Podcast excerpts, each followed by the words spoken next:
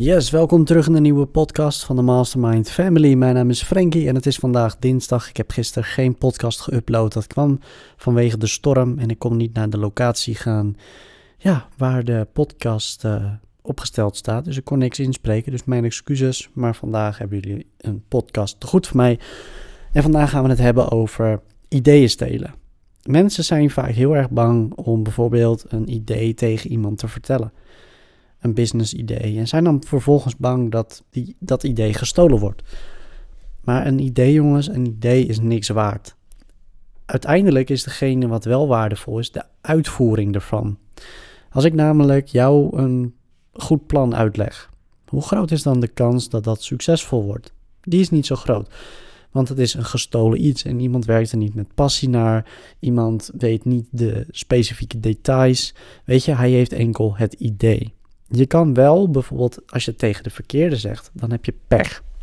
Weet je, je kan wel tegen iemand zeggen van, joh, ik heb echt zo'n goed business idee en dat is dit en dit en dit. En vervolgens gaat diegene het serieus oppakken, die gaat zich erin verdiepen en die gaat het uiteindelijk tot een succes maken. Maar in principe is een idee niks waard. Dus als jij iets tegen iemand zegt, is het niet gelijk dat hij dat bedrijf al van jou over heeft genomen of Weet je, een idee is slechts lucht. Het is niks. Dus wees niet bang om soms over je business te praten bij andere ondernemers. Soms is het juist goed om bij andere ondernemers te kijken wat zij ervan vinden. En uiteindelijk, als iemand jouw business idee pikt, ja, stel het gebeurt. Wat bij mij ook wel eens een keer is gebeurd. En er zijn heel veel mensen die met mensen in contact proberen te komen om uiteindelijk hun business idee te stelen of erachter te komen wat ze precies bedoelen. Maar ik heb ontdekt dat uh, in de tijd dat ik aan het ondernemen ben en mensen mijn concept proberen te stelen, uiteindelijk de resultaten niet bij hun werken. Terwijl het bij mij wel werkt. Dat komt omdat ik uiteindelijk de details weet. Ik weet precies hoe ik het in mijn hoofd heb. Ik weet precies hoe ik het wil doen. Hoe ik het in de markt wil zetten.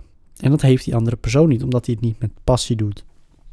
Hij doet het niet met hetzelfde gevoel. Het zou hetzelfde zijn als ik bijvoorbeeld een recept heb voor uh, brownies.